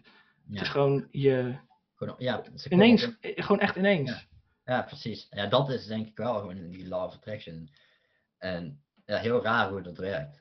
Echt heel, heel apart iets. Eh, Dat is wel mooi Mhm. om over na te denken en over te praten, vind ik. Van ja, hoe werkt het nou precies? Voor mezelf weet ik niet echt in hoeverre ik daarin geloof of de manier waarop het inderdaad ons wordt aangeleerd, zoals je al zei. Ja, dat wel vooral. Van oké, wat, wat is nou echt en eh, hoe werkt het nou echt? Misschien zitten we er allemaal wel naast. Misschien werkt het wel heel anders dan dat we gewoon eh, in gedachten hebben. Maar En misschien maakt het allemaal niet uit. ja, dat kan ook. Dat is, dat is serieus, sinds dat het nu allemaal goed gaat met mijn bedrijf en zo, denk ik steeds meer van, oh, ik maakte me zo erg druk vroeger. Het, het, maakt oprecht niet uit. Ook al zit je bijvoorbeeld op een kantoor of zoiets en je bent daar tevreden mee, je hebt die vrijheid eh, Ja, die Ja. ik nodig heb, zeg maar. Door, al is het maar gewoon dat, je een rondje, dat ik zo meteen na het gesprek een rondje kan rijden met mijn auto, dat vind ik wel helemaal top. Want dan kan ik gewoon weg, gewoon waar ik naartoe wil. En ja eh, wat, wat, wat houdt vrijheid voor jou dan in? Ik wel benieuwd naar. Ehm, dat ik gewoon met mijn tijd kan doen wat ik wil. En Ja. dat ik gewoon heen kan gaan waar ik wil. Ja, man. Ja, ja. Dat, dat is het echt. En dat vind ik heel erg belangrijk. En ik denk dat ik daar heel erg eh, behoefte aan heb gekregen door de jaren heen. Vooral omdat ik eerst eh, omdat ik zo'n hekel heb gekregen aan school. Je, Ja. moest, je moest naar school toe. Ja. En Ja. nu hoef ik niks. Ik hoef letterlijk niks te doen. Ja, ik moet wat dingen voor klanten afmaken. Omdat, ik, omdat dat. Dat heb ik ze beloofd, daar betalen ze maar voor. Maar Ja. verder hou ik gewoon zoveel tijd over. Ik, heb, ik verdien ik heb eh, dus diezelfde maand heb ik eigenlijk gewoon tien keer zoveel geld verdiend. Diezelfde maand als dat ik wegging op mijn Ja. werk, heb ik tien keer zoveel geld verdiend als wanneer ik daar werk. En ik heb voor mezelf daar niks opgebouwd. Nee, precies. Hè. Moet je Dus ik ken nu wat mensen, maar ja, dat valt op zich wel mee. Zeg maar. Je weet niet wat uiteindelijk altijd gebeurt eh, Nee, in de toekomst. waar. Maar ik heb er niet direct iets aan gehad of zo. Ik, ik bouwde niks op. Nee. Ja, nee, precies. En dat is wel gewoon, eh, gewoon een stukje van. Het loopt gewoon altijd heel anders dan dat we denken dat het gaat lopen. En je leert Ja. mensen kennen. En Vind je dat erg? nee, eigenlijk helemaal niet. Ik Ook niet eh, soms? Nee, eh, ja, natuurlijk met die, met die vriend dan, met die businesspartner, vind ik wel gewoon Mhm. jammer dat we gewoon ook geen vrienden meer zijn. Nou, want we hadden wel gewoon een hele goede band voorheen. Ja. Maar uiteindelijk denk ik dan ook wel weer van, misschien is het wel beter zo, want daardoor heb ik wel mijn eigen weg leren vinden. Ben ik inderdaad. Ja, en wat nou als jij wel met je business verder ging en hij niet? En, eh, en jij moest te veel tijd opofferen en je kon die vriendschap niet onderhouden uiteindelijk. Omdat, Precies. Ja, precies. is Ja, wat heel veel mensen zeggen eigenlijk. Want ik vind dat zelf ook belangrijk eh, om een soort van niet spijt te hebben van dingen. ja, Want voor hetzelfde geld eh, word je aangereden de dag erna door een bus of zo. Omdat je letterlijk niet naar diegene, omdat je letterlijk naar die gast toe ging de dag erna, omdat je nog vrienden was. precies. Ja, ja Voorbeeld. precies. Dat had, altijd kunnen gebeuren en je weet het gewoon niet. En Mhm. daarom denk ik ook van, het is gewoon goed zo dat het gewoon gebeurd is. Want daardoor heb ik inderdaad wel gewoon andere stappen genomen die ik misschien helemaal niet had genomen als ik nog wel met hem bevriend was en als ik nog wel gewoon met hem samen in het bedrijf zat. Zoals bijvoorbeeld ook, nou dat ik mijn, mijn coaching business heb, in plaats van dat ik daar helemaal in het begin niet over na had gedacht om überhaupt ooit te gaan coachen en überhaupt ooit eh, in die richting mensen te gaan helpen met een eigen digitale coachingprogramma op te zetten dan. Maar Ja. het is gewoon raar dat het dan zo loopt en ik vind niet dat dat erg is. Alleen het achteraf is, kan het soms jammer zijn, maar aan de andere kant hoef je er geen spijt van te hebben, vind ik. Echt niet. Nee. Nee, want uiteindelijk kom je toch weer ergens anders terecht. En misschien is dat wel beter, maar ja, dat zou je ook niet weten. Nee, precies. Nee, precies, inderdaad. Ligt net aan wat je belangrijk vindt, dat ook. Ja, ja, precies. Dus we kunnen eigenlijk nooit zeggen van als we terugkijken van hoe zou het anders zijn gelopen. Dat, dat weet je gewoon niet. Maar ik weet wel zeker dat een hele hoop van die mensen die jou bijvoorbeeld gepest hebben op de middelbare niet zijn waar jij nu bent. Ja, dat klopt wel. dat Ja, is echt zo leuk om terug te kijken. Dat is de enige, Ja, de- eigenlijk de enige reden dat ik soms gewoon terugkijk naar hoe alles eerst was, is gewoon te kijken hoe ver ik ben. En heel af en toe stiekem op Insta checken waar andere mensen zijn. ja, precies. Weet je, want- Maar dat ligt aan je maatstaven. Hè. Als, als die mensen bijvoorbeeld allemaal met eh, bijvoorbeeld Gucci kleding lopen en zo, en dat is letterlijk twee maandsalarissen van hun, ja, dan, eh, dan is dat prima als je dat belangrijk vindt. Maar vaak is het zo dat ze zich dan comfortabel voelen of ze vinden het er leuk uitzien. Maar ik koop alles bij de H&M. Ik vind het echt een geweldige winkel. Gast. Ja, ik ga er altijd met mijn vriendin heen. Ja. Ik, zij houdt de, de arm uit. Ik, ha- ik hang daar kleren op aan de arm die ik wil hebben. We gaan naar de kassa. Ik betaal en we gaan weg. En dan heb ik weer voor een paar maanden kleren. ja, heerlijk. En die mensen lopen, dan ben, heb ik voor 300 euro heb ik superveel kleren. En ik voel het eerlijk gezegd niet eens. Nee, en als je dan bijvoorbeeld... En die mensen die hebben al een Gucci shirt wat 400 kost. Precies. En die hebben daar last van. En, en dan heb jij daar gewoon een stuk of tien kleren, kleren voor, voor diezelfde prijs en hun maar één shirtje of zo. Precies. En, En die mensen die hebben ook nog een, een fucked up zelfbeeld. Want ik heb mijn, mijn eigen zelfvertrouwen gewoon gebouwd op hoe ik zelf in elkaar zit. In plaats van mijn uiterlijk of, dat ik, of het feit dat ik me voordoe als iemand anders. Zodat mijn vrienden tussen aanhalingstekens bij me blijven. Ja, precies. Ja, nee, ja dat, eh, dat heb ik ook op de harde manier moeten leren natuurlijk. Eerst was Mhm. het wel dat je dat dus wel mee hebt gemaakt dat de middelbare school weer wel uiteindelijk bij horen en zo. Heb je, dat, heb je daar, ben je daar heel erg in meegegaan? Eh, ja, toen wel. En Oké. eh, echt sinds, ja, inderdaad, dus in het begin wou, ik er wel gewoon heel veel bij horen. Want toen, toen deed ik al, net zoals bijvoorbeeld in de, in de pauze ging je altijd van een voedselgevecht doen. En ik was dan meestal degene die ze dan op konden naaien, omdat ik er toch bij wou horen, weet je wel. Dat was Mhm. wel. Dus toen begon ik altijd en ja, en, dat- en dat soort dingen. En uiteindelijk dacht ik van ja, maar wat ben ik nou echt mee bezig? Toen ben ik echt gaan kijken van waarom ga ik nou nog met bepaalde mensen om? En was Ja. gewoon achter van ja, nee, het heeft gewoon nog steeds te maken met toen die tijd dat ik mezelf er niet bij hoorde voelen en dat mensen mij een beetje verafschuwden van ja, ik wil er nou gewoon bij horen. Maar uiteindelijk dacht ik van nee, dat is nergens voor nodig. Ik wil gewoon echt mezelf zijn, want het voelde ook niet meer goed om me voor te doen als iemand anders. Ik heb dat eigenlijk altijd gewoon gedaan. Maar, dat, Ja. maar alleen maar omdat ik me vasthield aan het idee dat het een keer van pas ging komen. Ja, precies. Maar dat werkt Niet omdat ik zulke geweldige, hoe zeg je dat, morelen had of zo. Gewoon jezelf blijven bedoel je dan? Ja, gewoon meer omdat ik dacht van, oké, eh, ik ben natuurlijk gewoon fucking koppig van mezelf, anders ben je ook geen ondernemer. Ja. Gewoon eigenwijs. Eh, Ja, Ik denk, het, een keer gaat het wel lonen. Ja, ja dat, dat sowieso, hè? Dat sowieso. En nou, nou loont het ook. Nou loont het ook. Ja, klopt. Keihard. Maar het, het, het is wel van als je merkt dat je wel gewoon jezelf gaat zijn, dan komt er, komen er mensen naar je toe die jou waarderen om wie jij bent en niet meer om wie je denkt dat je moet zijn. Dus zoals- mensen hebben heel vaak bij ondernemers een bepaald beeld van, oh je bent eh, zo'n arrogante zak en je geeft alleen maar om geld, dit en dat. Ter- Terwijl dat helemaal niet per se zo is. Als jij daar zo niet in elkaar zit en als jij wel gewoon In het begin zeiden mensen dat wel tegen mij. Ook zeg maar, ik had een vriendengroep van echt tien mensen of zo. Ja. Alleen eh, die kenden elkaar heel hun leven al, zeg maar. Maar toen ik net hier naartoe kwam eh, verhuizen, Ja. eh, toen zocht ik gewoon een vriendengroep natuurlijk. En dan was ik met hun uitgegaan en zulke dingen. Het heeft van tien maanden geduurd of elf of zo. En Ja. uiteindelijk leerde ik mijn vriendin kennen. En ja, dan heb je gewoon minder tijd voor die gasten bijvoorbeeld. Waar, ik vond het allemaal wel leuke gasten en zo. Maar Ja. op een gegeven moment ga je wel kijken van waar, op welke kant gaan zij op. En welke kant wil ik zelf op. En ik, vind, ik geloof heel erg in dat je altijd het gemiddelde bent van, je, van de vijf mensen waar je het meest mee omgaat. Nee. Ja. En niet dat zij allemaal teringleiders waren of zo. Maar op sommige momenten vond ik dat wel. Maar dat was altijd wederzijds. Ja, maar toen ja. heb ik gewoon tegen hun gezegd van jongens, ja, ik eh, ga niet meer mee stappen bijvoorbeeld. Of ik ga niet meer mee naar gewoon ergens naartoe of zo. Want ik ga gewoon me op mezelf focussen. Ja. En toen, vanaf dat moment, toen ik dat uitte richting een hele hoop mensen, dachten mensen ook van ja, maar hij wil alleen maar geld hebben en zo. Ja, maar- precies. In mijn geval en ook in jouw geval staat geld gewoon eh, gelijk aan een soort van vrijheid of zo. ja, Waar ik eigenlijk heel mijn leven al een soort van naar op zoek was. Ja, precies. Gewoon te kunnen zeggen van ik wil nou eh, gewoon gaan sporten, gewoon over een wijze van spreken. En dat je het dan ook, ook kan doen. En niet dat je dan vastzit aan een baan waar je tot vijf uur s'avonds moet zijn of zo. Of dat je niet kan betalen om even morgen op vakantie te gaan als je daar echt aan toe zou willen zijn. Gewoon dat. Dat Ja, iedere twee weken ga ik wel met mijn vriendin ergens heen in het weekend of zo. Ja, lekker man. Kijk, Volgende week gaan we bijvoorbeeld naar Limburg, vier dagen. En daarvoor doen wij het wel gewoon. Tenminste, als Ja, Tuurlijk, ja. daar, daar doe je het ook voor. Dat je gewoon op een bepaald Ja. moment weg kan wanneer je wil. Ja, precies man. En ik weet ook nog wel die tijd dat ik eh, op een gegeven moment in de supermarkt stond. Dus dat was trouwens niet zo heel lang geleden. Dat was toen ik eh, net begonnen was met mijn coaching. Eh, Oh echt?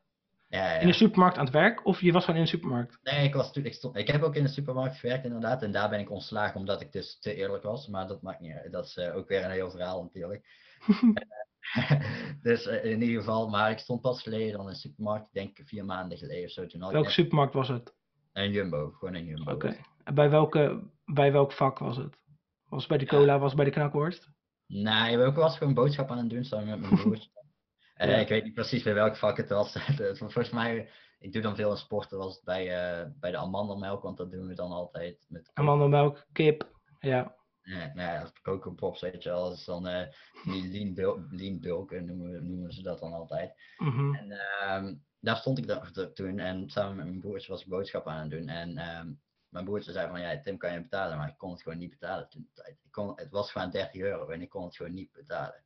Toen zei ik van, ja, kan jij het betalen voor mij, weet je, want ik kan, ik kan het gewoon niet missen. Ik had echt... Ik heb eh, dat twee, drie maanden geleden nog gehad, dat ik gewoon dingen niet kon betalen. Precies, man. En dat... Maar je hebt gewoon hele lage, hele diepe dalen en gewoon Ja. hoge, hoe noem je dat? Ja. pieken. Ja, precies, want dan denk je wel van, shit man, dan, dan voel je het echt van, nou, nou voel ik het weer, weet je wel, van dat ik denk van, Maar je weet wel dat het goed komt. ja, precies dat. Je weet dat het goed komt natuurlijk, alleen je wilt dat niet, niet vaker voelen. Je hebt nu zoiets van, Mhm. ja, ik wil mezelf wel echt veranderen. Ik wil dit gevoel niet altijd hebben. Ik wil gewoon wel gewoon echt dat ik gewoon in de supermarkt kan staan en dan kan zeggen van, hé, ik betaal deze keer wel. Het maakt gewoon niet uit, omdat je Ja. te kijken en daarvoor doe je het dan. En op dat moment dacht ik echt bij mezelf van, oh shit, ik, ben, dit, dit, dit- ik moet echt veranderen. Ik moet echt gewoon ehm, ja, meer gaan doen, weet je wel. Ik moet inderdaad echt gewoon meer klanten aantrekken, want zo kan het echt niet langer. En Ja. toen, ehm, ja, binnen één week had ik daarna deals gesloten van 18.000 euro in totaal. Dus dat was gewoon wel... eh, ja, dat- ja, is Meerdere of één? Nee, meerdere. meerdere Oké. Maar in totaal een waarde dan van 18.000 euro. Dus dat was wel gewoon heel lekker toen. Mhm. Ja. Dat in één keer dan omgeswitcht, weet je wel. Van dan, dan weet je ook waar je het voor doet. En dan ga je er wel gewoon echt voor. Gewoon zo te Ja, zeggen. Tuurlijk. Ja. Dus eh, dat zal... eh, ja, het, maakt je wel wie je bent, al die diepe dalen. En ik denk juist Tuurlijk. dat het goed is, die diepe dalen. Ja, en dat zorgt ervoor dat je weet eh, hoe de andere kant eruit ziet. Ook al zijn onze diepe dalen niet zo diep als de dalen van iemand anders misschien. Die Nee. een andere achtergrond heeft of wat dan ook. In welke vorm dan ook. Ik heb nog een aantal corny vragen voor je. Nee, natuurlijk. Maar wel- ik vind ze wel interessant. Maar ik heb ze opgeschreven omdat ik ze anders vergeet. dat is geen probleem hoor. Eh, stel je zou opnieuw moeten beginnen. Hoe ga je dat doen? Als ik Wat zou je opnieuw- anders doen? Sorry. Wat zou je anders doen? Oké, ja. Je hebt ja. 0 euro heb je. Maar je hebt wel deze kennis. Oké, wat ik dan zou doen is inderdaad kiezen waar ik gewoon goed in ben en waar ik ervaring in heb, dan met deze kennis dus nog op dit moment. Eh, dan zou ik daar een bedrijfje in opstarten en dan zou ik een salespersoon op commissie inhuren. Ik zou ehm, dan zelf de post doen en mezelf positioneren op, eh, op dat gebied, weet je op social media. Mhm. En dan, en dan zou ik daarmee beginnen. En dan zou ik zorgen van dat die salespersoon inderdaad gewoon eh, minimaal vijf klanten überhaupt per, per maand dan op het begin binnenkrijgt. En dan ga Ja. ik daarmee dag met mijn coaching business, want ik blijf dan wel gewoon in het coaching business zitten met deze kennis. Maar hoe, ga je, hoe gaat die man mensen closen als jij geen, eh, geen bewijs hebt dat je het kan? Als, je, als het een goede, goede salespersoon is, dan eh, kan je alles closen. Dan kan je zelfs zand aan, een, eh, aan een zandman verkopen. aan Ja. Ehm, maar inderdaad, het is wel van als je gewoon een duidelijke doelgroep hebt. En ik heb ook gewoon wel die kennis waarbij ik weet van hoe ik mensen aan moet spreken. En hoe ik dus mensen kan triggeren, een bepaalde doelgroep kan triggeren. Dus dat dan leer ik hem dat natuurlijk wel bij van oké, wat ik precies aan het doen ben. En dan zou ik daarmee beginnen. Maar zo maak je tenminste wel momentum en zo hoef je niet alles meer zelf te doen. En dat scheelt ook gewoon een hele hoop. En eh, dan zou ik daarmee beginnen. En dan zou ik daarna gewoon het geld wat ik verdien, zou ik herinvesteren in mijn business. Om dat dan langzaam eh, gewoon te verfijnen en uit te breiden. En dan daarna eh, neem ik nog een salespersoon aan en dan, dan zie ik wel daarna. Zo zou ik het dan doen. En dan bouw je dat op die manier op. Ja, dan bouw ik het op die manier op. En ja, dan eh, ga ik zelf natuurlijk de coaching doen. En dan maak, ik- koop ik een platform waar ik dan dus ook gewoon die video's in zou zetten. Ja, al je modules. Precies, modules. En dan één keer per- of twee keer per week zou ik dan zo'n groepscoaching doen. Waarbij mensen dus echt nog dieper op die vragen in kunnen gaan. Waarbij ik ze dus echt kan coachen. En gewoon zo tijd efficiënt zou ik wel gewoon gaan werken. Mhm. En ook gewoon echt resultaatgericht. Van oh, hoe meer eh, mijn klanten resultaten halen, hoe meer ik dat kan gebruiken als leverage. Dus als hulpmiddel om nog meer klanten binnen te gaan halen. En dan eh, gewoon uitbouwen. Echt uitbouwen. Ja, vet. En jij? Ehm, goed dat je het vraagt inderdaad. Ja, ja, nee, tuurlijk. Ik zou, ehm, omdat ik pas sinds twee maanden, ik heb zeg maar twee maanden geleden eh, ben ik gewoon actiever geworden op Facebook en een paar groepen gejoind, zulke dingen. En Ja. Twee weken geleden heb ik voor het eerst een story gemaakt op Facebook in plaats van alleen op Insta. En ehm, ik, de- toen heb ik dus al mijn vrienden ook verwijderd, van, die ik ook van vroeger ken en zulke dingen. En alleen maar mensen eh, qua business heb ik nu toegevoegd. Dat zou ik als eerst doen, als ik 0 Oké. euro heb en dezelfde kennis. Ja. Eh, ja, gewoon letterlijk wat ik twee maanden geleden ben begonnen te doen. Ik zou, eh, ik zou wel meer content posten. Alleen Mhm. ik zou dat nu ook doen als ik behoefte heb aan heel veel meer klanten. Maar ik focus me nu vooral meer op kwaliteit. Eh, Ja. k- Klanten die ik zeg maar. eh, ja, gewoon klanten die meer kunnen betalen en die er ook uiteindelijk meer aan gaan hebben. Ja. Eh, ja, dat is, dat is echt hoe ik het zou doen. Ik ben nu eigenlijk heel precies bezig hoe ik eh, het op die manier zou, eh, zou doen, zeg maar. Als Ja, ik nee. niemand kende ook. Ja. Gewoon Nee. groepen joinen. Ik zou groepen joinen. Ik zou zeggen, dit doe ik. En ik zou het niet te bijzonder maken. Want daar hou ik niet zo van. Eh, simpel, gewoon jezelf. Ja, gewoon jezelf. Gewoon, ik ben Eli en dit is wat ik doe. En als je interesse hebt, eh, plan dan gewoon een gesprek met me in. En als je geen interesse hebt, doe dan niet. Ja, precies. blijf me, blijf me wel volgen. Misschien ga ik later nog wat anders doen wat je wel leuk vindt. Ja, precies man. Ja, dat is eh, ja, wel, wel leuk om te horen. Mhm. Maar ook van, het hoeft niet per se snel te gaan, want kwaliteit staat altijd boven kwantiteit. En dat vind ik ook- 100%, ja. Ja. Ja, echt wel. Het kan wel eh, heel veel mensen hebben, maar als je kwaliteit niet goed is, dan stort op een gegeven moment ook je bedrijf in. Ja, en het kost heel veel tijd als je heel veel klanten hebt. Precies, precies. Ik werk liever met 10 mensen bijvoorbeeld dan met 40 mensen. Ja, echt wel. Gewoon tien kwalitatieve mensen, echt wel. Mhm. En anders heb je ook weer inderdaad van eh, dat het niet goed is, dan moet je daar natuurlijk, ben je weer tijd aan kwijt. En Klopt, je- ja. En daar stoor ik me altijd heel erg aan. Lastig. Ja, dat is lastig hoor. Dus, eh, dat is wel een voordeel van high-ticket werken. Van mensen die klagen minder als je meer vraagt. Klopt, Mensen- inderdaad. Dus mensen die bijvoorbeeld een pakket kopen voor 5000 bij je, eh, die, die zeuren nergens over. Maar mensen die jou bijvoorbeeld 500 betalen omdat je een keer een korting geeft aan iemand, omdat je diegene echt gunt. Of om welke reden dan ook. Dat zijn de mensen die de hele dag die reet aan gaan zitten. Want die denken dat ze alles krijgen voor die 500 euro. Precies. Al Ja, vind ik niet dat je ze zo hoeft te behandelen.